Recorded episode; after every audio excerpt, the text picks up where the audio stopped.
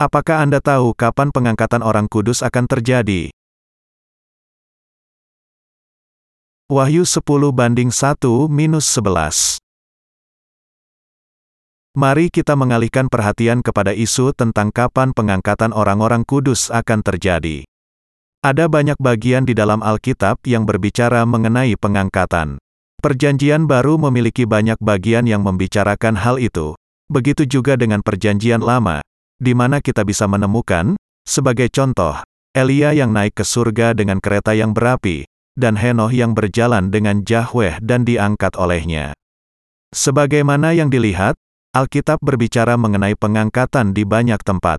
Pengangkatan berarti diangkat ke atas. Itu menunjuk kepada tindakan Yahweh mengangkat umatnya ke surga dengan kuasanya.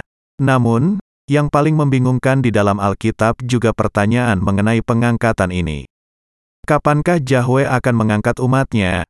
Pertanyaan mengenai pengangkatan ini adalah salah satu pertanyaan yang paling sering ditanyakan di dalam kekristenan. Mari kita membuka 1 Tesalonika pukul 4.14-17 yang dikatakan melalui Rasul Paulus.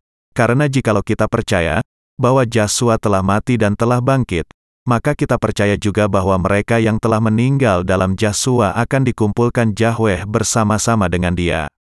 Ini kami katakan kepadamu dengan firman Tuhan, kita yang hidup, yang masih tinggal sampai kedatangan Tuhan, sekali-kali tidak akan mendahului mereka yang telah meninggal. Sebab pada waktu tanda diberi, yaitu pada waktu penghulu malaikat berseru dan sangkakala Yahweh berbunyi, maka Tuhan sendiri akan turun dari sorga dan mereka yang mati dalam Kristus akan lebih dahulu bangkit. Sesudah itu, kita yang hidup, yang masih tinggal, akan diangkat bersama-sama dengan mereka dalam awan menyongsong Tuhan di angkasa. Demikianlah kita akan selama-lamanya bersama-sama dengan Tuhan. Dalam Yudas pukul 1.14, Yahweh juga mengatakan kepada kita, juga tentang mereka Henoh, keturunan ketujuh dari Adam, telah bernubuat, katanya, sesungguhnya Tuhan datang dengan beribu-ribu orang kudusnya. Orang-orang kudus, dengan kata lain, akan diangkat ke angkasa bersama dengan Yahweh dengan suara sangkakala malaikat yang ketujuh, berada di sana untuk sementara waktu, dan kemudian turun ke dunia lagi bersama dengan Tuhan.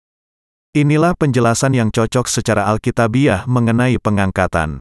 Alasan mengapa kita melihat ayat di atas adalah karena Wahyu 10 mengatakan kepada kita kapan saatnya pengangkatan itu terjadi.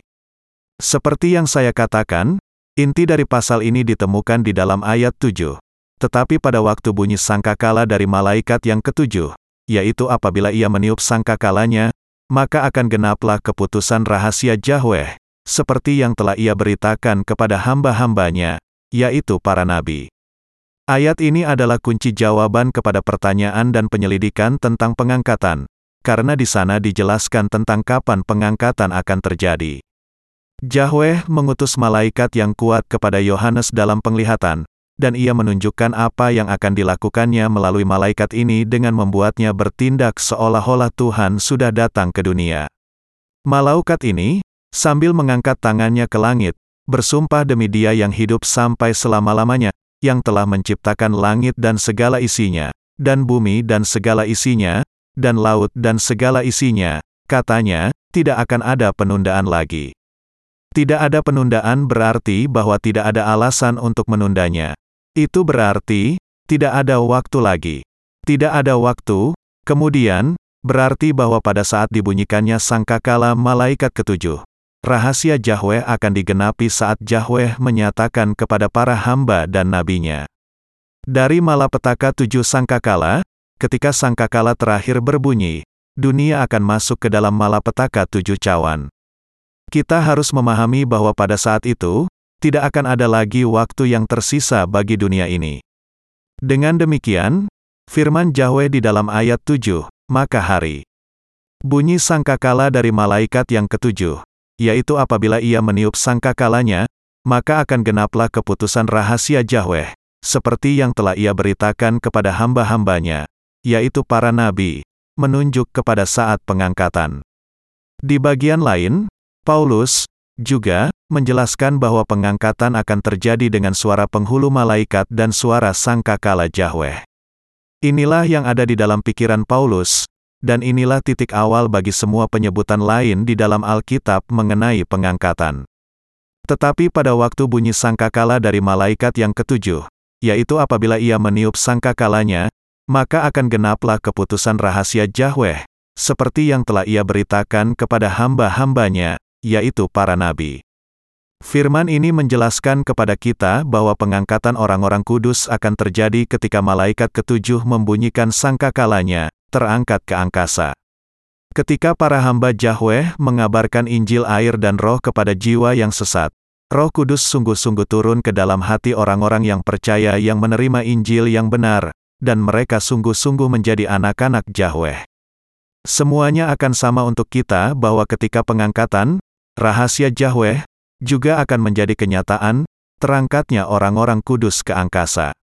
Setelah ini, Yahweh akan sepenuhnya membinasakan dunia dengan mencurahkan ke atasnya semua tujuh malapetaka yang terakhir dari ketujuh cawan, membawa kerajaan Yahweh ke dunia ini di mana kita akan memerintah bersama dengan Kristus selama seribu tahun, dan kemudian memindahkan kita ke langit baru dan bumi baru di mana kita akan hidup selama-lamanya.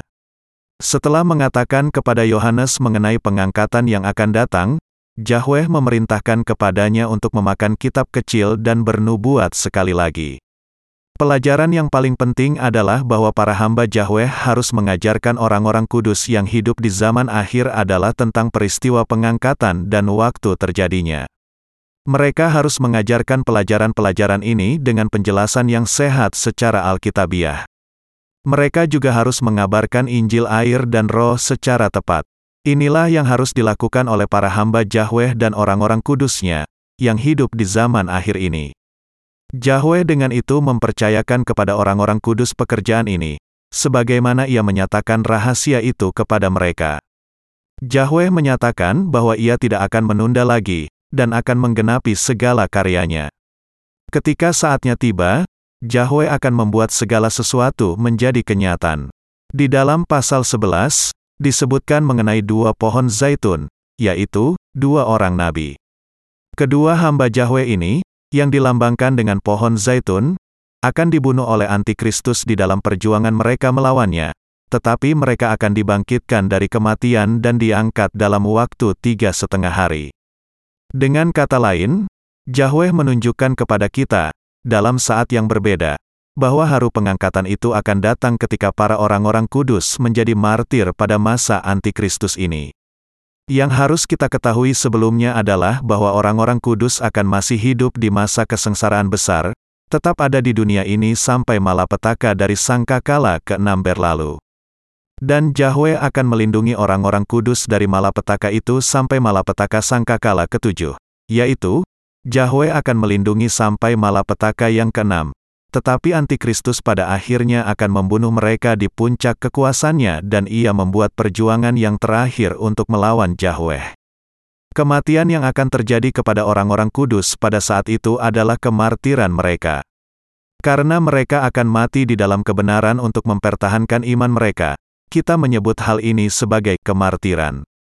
Kita harus percaya bahwa pengangkatan akan datang sesudah kemartiran ini, dan juga memberitakan iman ini kepada orang-orang lain. Banyak orang sangat dibingungkan tentang apakah pengangkatan terjadi sebelum atau sesudah masa kesengsaraan besar. Orang-orang di masa dulu biasa berpikir bahwa Kristus akan datang sesudah kesengsaraan, dan bahwa orang-orang kudus akan diangkat bersama dengan kedatangan Yesus yang kedua kali. Tetapi sekarang ini, Kebanyakan orang Kristen percaya bahwa pengangkatan akan terjadi sebelum masa kesengsaraan besar. Mereka berpikir bahwa mereka tidak ada hubungannya dengan malapetakan ketujuh sangkakala atau ketujuh cawan, dan bahwa mereka akan diangkat ketika mereka sedang menjalani kehidupan sehari-hari, yang normal, dan baik. Tetapi jangan sampai kita tertipu oleh pengajaran yang keliru ini. Orang-orang itu salah besar dalam pemahaman dan pengetahuan mereka tentang waktu pengangkatan ketika akhir zaman menjadi semakin mendekat, kesalehan mereka justru akan mengendor dan iman mereka akan lenyap. Ketika saya menjelaskan bahwa pengangkatan akan terjadi di tengah masa kesengsaraan besar, saya tidak mengatakannya untuk membuat Anda menjadi lebih saleh. Saya hanya ingin Anda memiliki pemahaman yang jelas tentang waktu pengangkatan dan terhindar dari pengajaran yang keliru tentang pengangkatan pretribulasi, karena di dalam ayat 7 Yahweh menjelaskan secara terperinci, tetapi pada waktu bunyi sangkakala dari malaikat yang ketujuh, yaitu apabila ia meniup sangkakalanya, maka akan genaplah keputusan rahasia Yahweh, seperti yang telah ia beritakan kepada hamba-hambanya, yaitu para nabi. Ketika malapetaka ketujuh cawan dicurahkan, semuanya akan dicurahkan satu demi satu secara berurutan. Kita, orang-orang kudus, perlu menyadari hal ini. Wahyu 16 banding 1 minus 2 mengatakan, Dan aku mendengar suara yang nyaring dari dalam bait suci berkata kepada ketujuh malaikat itu, Pergilah dan tumpahkanlah ketujuh cawan murka Yahweh itu ke atas bumi. Maka pergilah malaikat yang pertama dan ia menumpahkan cawannya ke atas bumi. Maka timbullah bisul yang jahat dan yang berbahaya pada semua orang yang memakai tanda dari binatang itu dan yang menyembah patungnya. Pencurahan dari cawan yang masih ada secara berurutan kemudian disusul dengan malapetaka yang pertama. Seolah-olah malapetaka itu sudah diatur secara otomatis, dengan ketujuh malaikat itu menuangkan cawan mereka satu demi satu, tanpa ada suara sangkakala atau suara lainnya. Dengan menumpahkan ketujuh cawan, dengan kata lain, Yahweh akan sepenuhnya membinasakan dunia ini.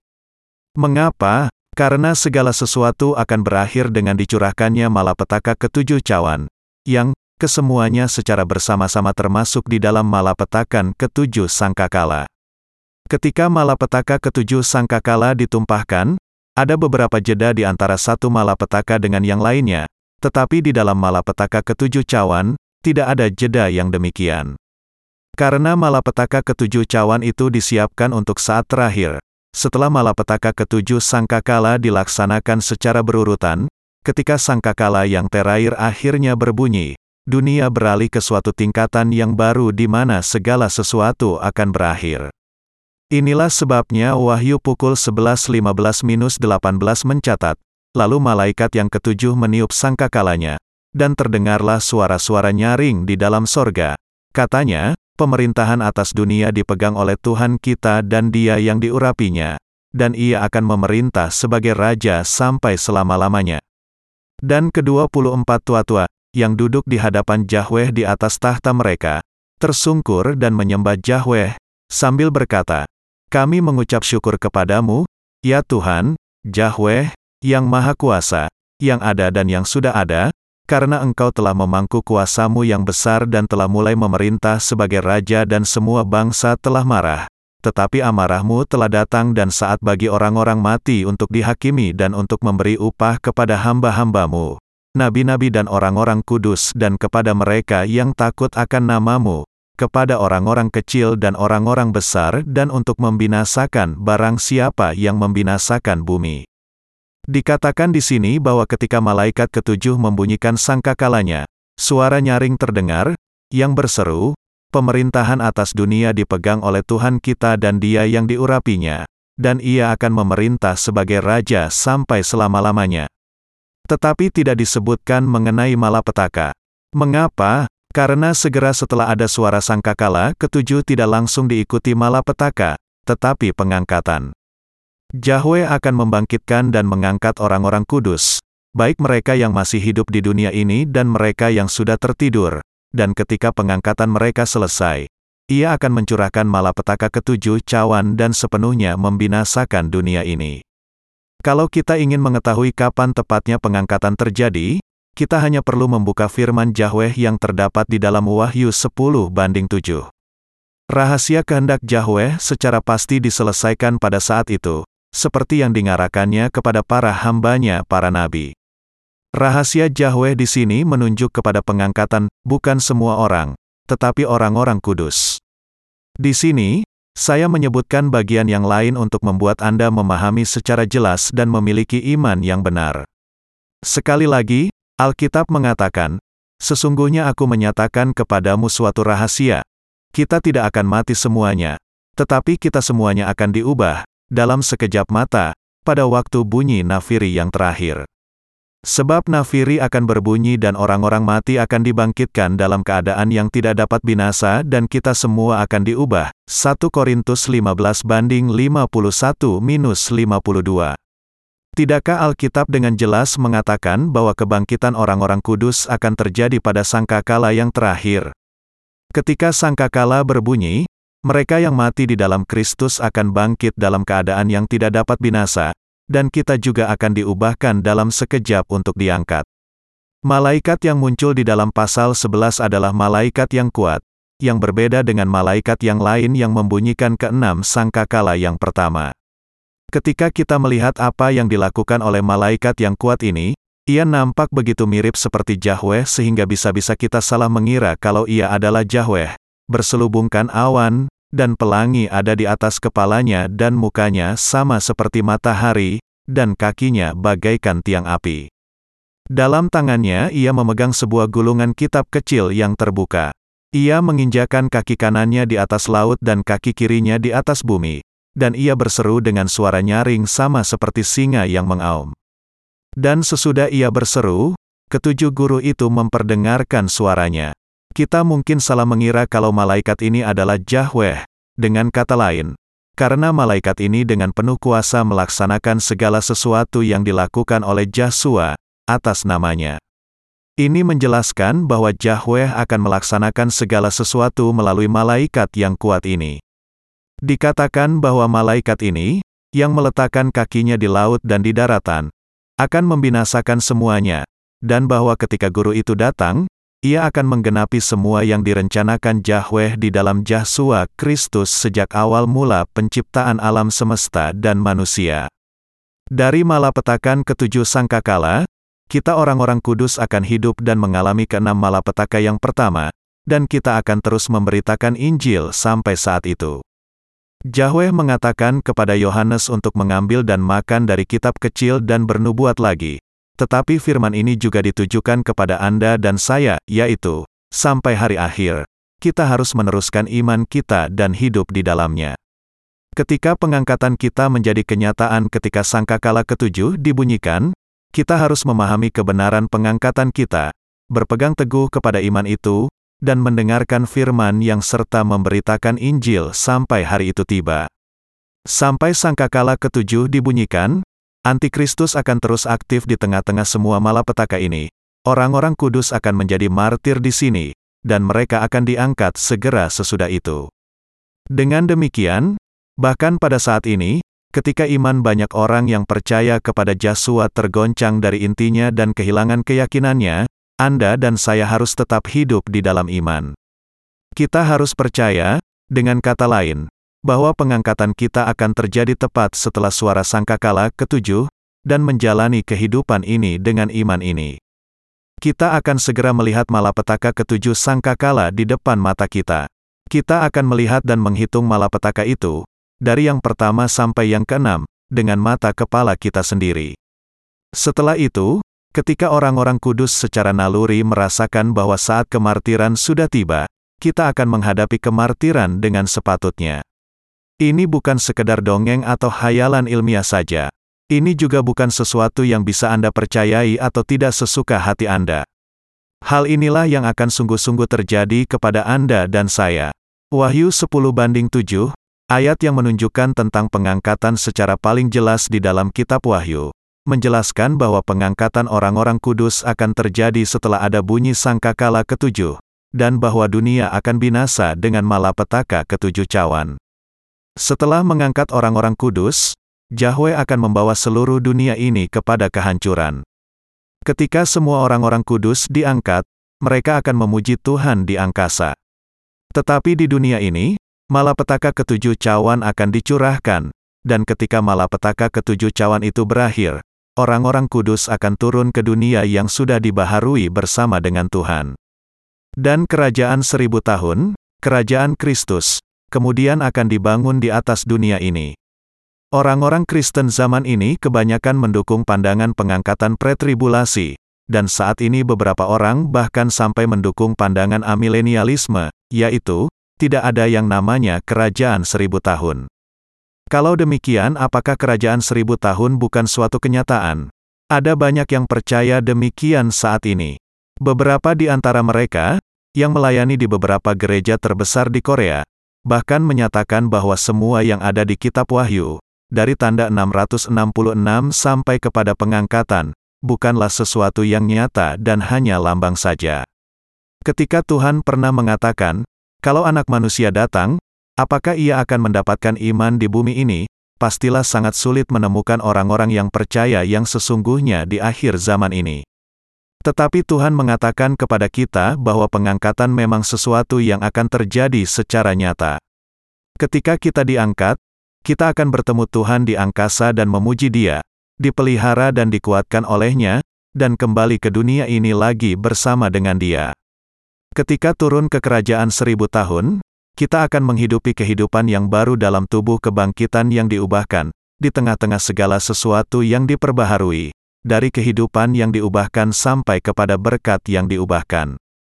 Kita akan hidup mengenakan kemuliaan yang demikian karena Yahweh. Anda dan saya harus menghidupi iman dan pengharapan ini. Dan ketika kerajaan seribu tahun berakhir, kita akan masuk langit baru dan bumi baru, dan memerintah bersama Kristus selamanya di dalam kehormatan dan kemuliaan. Ketika kita masuk ke dalam kerajaan seribu tahun dan langit baru dan bumi baru, para malaikat akan menjadi pelayan kita. Untuk siapakah semua makhluk rohani, semua dunia yang diciptakan oleh Yahweh dan Yahshua Kristus, dan semua yang ada di dalamnya. Semuanya akan menjadi milik kita. Inilah sebabnya Alkitab mengatakan bahwa orang-orang yang akan mewarisi segala sesuatu adalah orang-orang kudus. Karena Anda dan saya adalah orang-orang kudus yang dilahirkan kembali dari air dan roh, kita adalah pewaris Yahweh dan rekan pewaris Kristus, yang kepadanya segala sesuatu akan diwariskan. Dengan demikian, Anda dan saya harus menahan kesusahan di dunia ini dengan iman, dan ketekunan dengan memandang hari datangnya warisan kita. Kita juga harus memperjuangkan iman sebagai pasukan elit Yahweh. Yahweh sudah mengatakan kepada kita bahwa segala sesuatu akan segera digenapi tanpa ditunda. Semuanya, dengan kata lain, akan digenapi dalam waktu singkat. Beberapa orang mungkin berpikir mengapa Yahweh tidak menjelaskan kepada kita secara lebih terperinci. Jawaban untuk pertanyaan ini adalah bahwa karya Yahweh yang tersembunyi adalah hikmatnya. Amsal 25 banding 2, Lukas pukul 10.21. Kalau rancangan Yahweh tertulis secara terperinci, hal itu akan menimbulkan gejolak besar di dunia ini. Orang-orang kudus tidak akan bisa hidup sampai masa akhir zaman. Hampir semua orang-orang kudus akan dibunuh oleh orang yang tidak percaya, dan tidak ada satupun orang kudus yang akan bisa bertahan. Kalau semua perincian tentang akhir zaman tertulis di dalam Alkitab, orang-orang yang tidak dilahirkan kembali dari air dan roh akan membinasakan semua orang yang percaya yang dilahirkan kembali. Dengan menyimpan rancangannya, Yahweh menyatakannya hanya kepada orang-orang yang patut, dan dengan itu merahasiakannya bagi orang-orang yang lainnya, inilah hikmat Yahweh. Yahweh sudah menyatakan rancangannya kepada kita agar kita memahaminya, hanya karena memang perlu bagi orang-orang kudus di zaman sekarang ini. Bahwa gereja-gereja Yahweh yang dilahirkan kembali sekarang berbicara mengenai akhir zaman secara terperinci berarti hari akhir zaman memang dekat dengan kita. Karena masa kesengsaraan besar semakin dekat, Firman Wahyu diberitakan sehingga orang-orang kudus akan memiliki pemahaman yang cukup tentang akhir zaman untuk bisa bertahan dan menang menghadapi masa kesengsaraan besar yang semakin mendekat. Bahkan orang-orang yang dilahirkan kembali, kalau mereka menghadapi masa kesengsaraan besar tanpa pemahaman, tidak akan mengetahui apa yang harus dilakukan dan masuk ke dalam kebingungan besar ketika masa kesengsaraan besar sungguh-sungguh datang. Kebingungan ini akan lebih besar lagi di antara orang-orang yang bersandar hanya kepada iman pandangan pribadi mereka saja. Kita bisa membayangkan bahwa banyak jiwa yang tidak siap, di dalam ketidaktahuan dan kebingungan mereka, akan mulai menuju ke jalan yang salah kalau akhir zaman tiba. Apakah Yahweh mengatakan sesuatu kepadamu? Tidakkah ia menunjukkan suatu penglihatan ketika engkau berdoa? Banyak yang akan merasa gundah dalam usaha mencari penglihatan dari Yahweh, dan banyak yang akan mengaku mendapat penglihatan di akhir zaman ini. Tidakkah Yahweh mengatakan sesuatu kepadamu ketika engkau berdoa? Kalau orang-orang kudus tetap tidak mengerti, ini akan menjadi pertanyaan yang sering diajukan di antara orang-orang kudus di akhir zaman. Tetapi Yahweh tidak pernah bekerja dengan cara yang demikian, karena ia sudah memerintahkan kepada kita, siapa bertelinga, hendaklah ia mendengar apa yang dikatakan roh kepada gereja. Orang-orang kudus, dengan kata lain, harus mendengar hanya kepada apa yang dikatakan roh kudus melalui gereja. Karena roh kudus, jaminan atas firman Yahweh, menyaksikan hanya apa yang benar dan tepat. Ketika malapetaka itu menandakan bahwa akhir zaman akan segera tiba, kita orang-orang kudus tidak akan terjebak di dalam keterkejutan dari kesengsaraan yang mengikutinya. Tetapi, hidup oleh iman, karena saat itu kita sudah memiliki firman kebenaran dan memeteraikannya di dalam hati kita dengan iman sebelumnya. Inilah sebabnya Yohanes menyatakan kepada kita apa yang akan terjadi di masa yang akan datang sebelumnya, dan mengapa para hamba Yahweh memberitakan kebenaran di dalam ikatan firman yang tertulis ini. Bernubuat tidak lain dari mengerti dan memberitakan apa yang akan keluar dari firman Yahweh, mengaku bahwa memiliki penglihatan di dalam mimpi atau doa itu bukan. Jangan lupa bahwa pengangkatan memang akan terjadi, dan bahwa kita adalah orang-orang kudus Yahweh. Jangan lupa bahwa Anda sekarang sudah menajdi orang-orang kudus, yang akan bersama dengan Kristus di angkasa ketika pengangkatan Anda terjadi, yang akan turun ke dunia yang dibaharui untuk hidup selama seribu tahun, dan yang akan hidup selamanya di langit baru dan bumi baru. Kalau Anda mendengar orang berbicara mengenai pengangkatan pretribulasi, atau mengaku bahwa tidak ada kerajaan seribu tahun sama sekali, katakan kebenaran kepada mereka dengan menyebut ayat-ayat yang kita bicarakan tadi. Anda juga perlu menyebutkan kepada mereka 1 Tesalonika 4 dan 1 Korintus 15, dan mengatakan kepada mereka bahwa Tuhan akan datang diiringi suara penghulu malaikat dan suara sangkakala yang terakhir, dan mengangkat Anda yang mempertahankan iman Anda. Untuk diangkat, harus ada kemartiran oleh iman dan kebangkitan tubuh. Karena pengangkatan akan terjadi secara bersamaan dengan kebangkitan, pada saat kita dibangkitkan, kita akan diangkat dan naik ke angkasa. Pengangkatan dan kebangkitan, dengan demikian, adalah hal yang sama. Mengambil bagian di dalam kebangkitan yang pertama berarti hidup dengan Tuhan di dalam kerajaan seribu tahun. Diangkat, juga, berarti hidup dengan Tuhan selama seribu tahun di dunia ini. Mengapa, kemudian, kita akan diangkat? Karena Yahweh akan membinasakan segala sesuatu yang ada di dunia ini dengan mencurahkan malapetaka ketujuh cawan, yaitu, ia akan mengangkat orang-orang kudus sebelumnya untuk membebaskan anak-anaknya dari malapetakan kebinasaan itu. Untuk memisahkan antara orang-orang kudus dengan orang-orang berdosa, dan untuk menunjukkan akhir hidup mereka, ia akan mengangkat orang-orang kudus. Dengan demikian, kita harus percaya kepada semua ini di dalam pengangkatan, kebangkitan, dan kemartiran kita. Bagi beberapa orang, Injil air dan roh dinyatakan secara terperinci, sementara kepada yang lain, hal itu tetap sepenuhnya menjadi rahasia yang tersembunyi. Demikian juga, kemartiran, kebangkitan, pengangkatan dan pemerintahan orang-orang kudus di kerajaan seribu tahun dan langit baru dan bumi baru semuanya adalah rahasia Yahweh. Hanya kepada orang-orang yang dilahirkan kembali Yahweh menyatakan dan menunjukkan rahasia ini. Dan dengan membuat mereka percaya kepada rahasia itu ia sudah memampukan mereka untuk hidup menjalani kehidupan melalui masa akhir zaman dan menahan semua kesulitan mereka dengan pengharapan akan pengangkatan dan kerajaan surga. Anda dan saya harus memiliki jenis iman yang demikian. Tanpa iman yang ini, yaitu tanpa percaya bahwa kita akan diangkat, bahwa kita akan hidup di langit baru dan bumi baru, bahwa Tuhan akan membangkitkan kita dari kematian sesudah kita dibunuh oleh antikristus, mengangkat kita, membuat kita bisa berdiam di angkasa, dan kemudian kembali ke dunia ini untuk memerintah bersama dia selama seribu tahun, kita tidak akan bisa bertahan melalui semua kesulitan dan hidup yang menekan kita pada zaman akhir itu. Orang-orang kudus memiliki mimpi yang indah, dan tidak ada selain Tuhan yang bisa membuat mimpi ini menjadi kenyataan. Tanpa pengharapan ini, kita hanya akan hidup dalam kesedihan dan penderitaan di dalam dunia yang penuh kesengsaraan ini. Paulus mengatakan kepada Timotius supaya ia memelihara hal yang indah yang sudah dipercayakan kepadanya. Injil ini adalah indah, demikian juga kemartiran, kebangkitan dan pengangkatan, dan begitu juga hidup di kerajaan seribu tahun dan langit baru dan bumi baru. Semuanya itu adalah hal yang baik dan indah. Semua itu hanya dimiliki oleh orang-orang kudus, dan semuanya adalah iman dan pengharapan yang bisa menjadi kenyataan, bukan hanya sekedar hayalan kosong saja. Semua itu adalah pengharapan dan iman yang diberikan oleh Tuhan.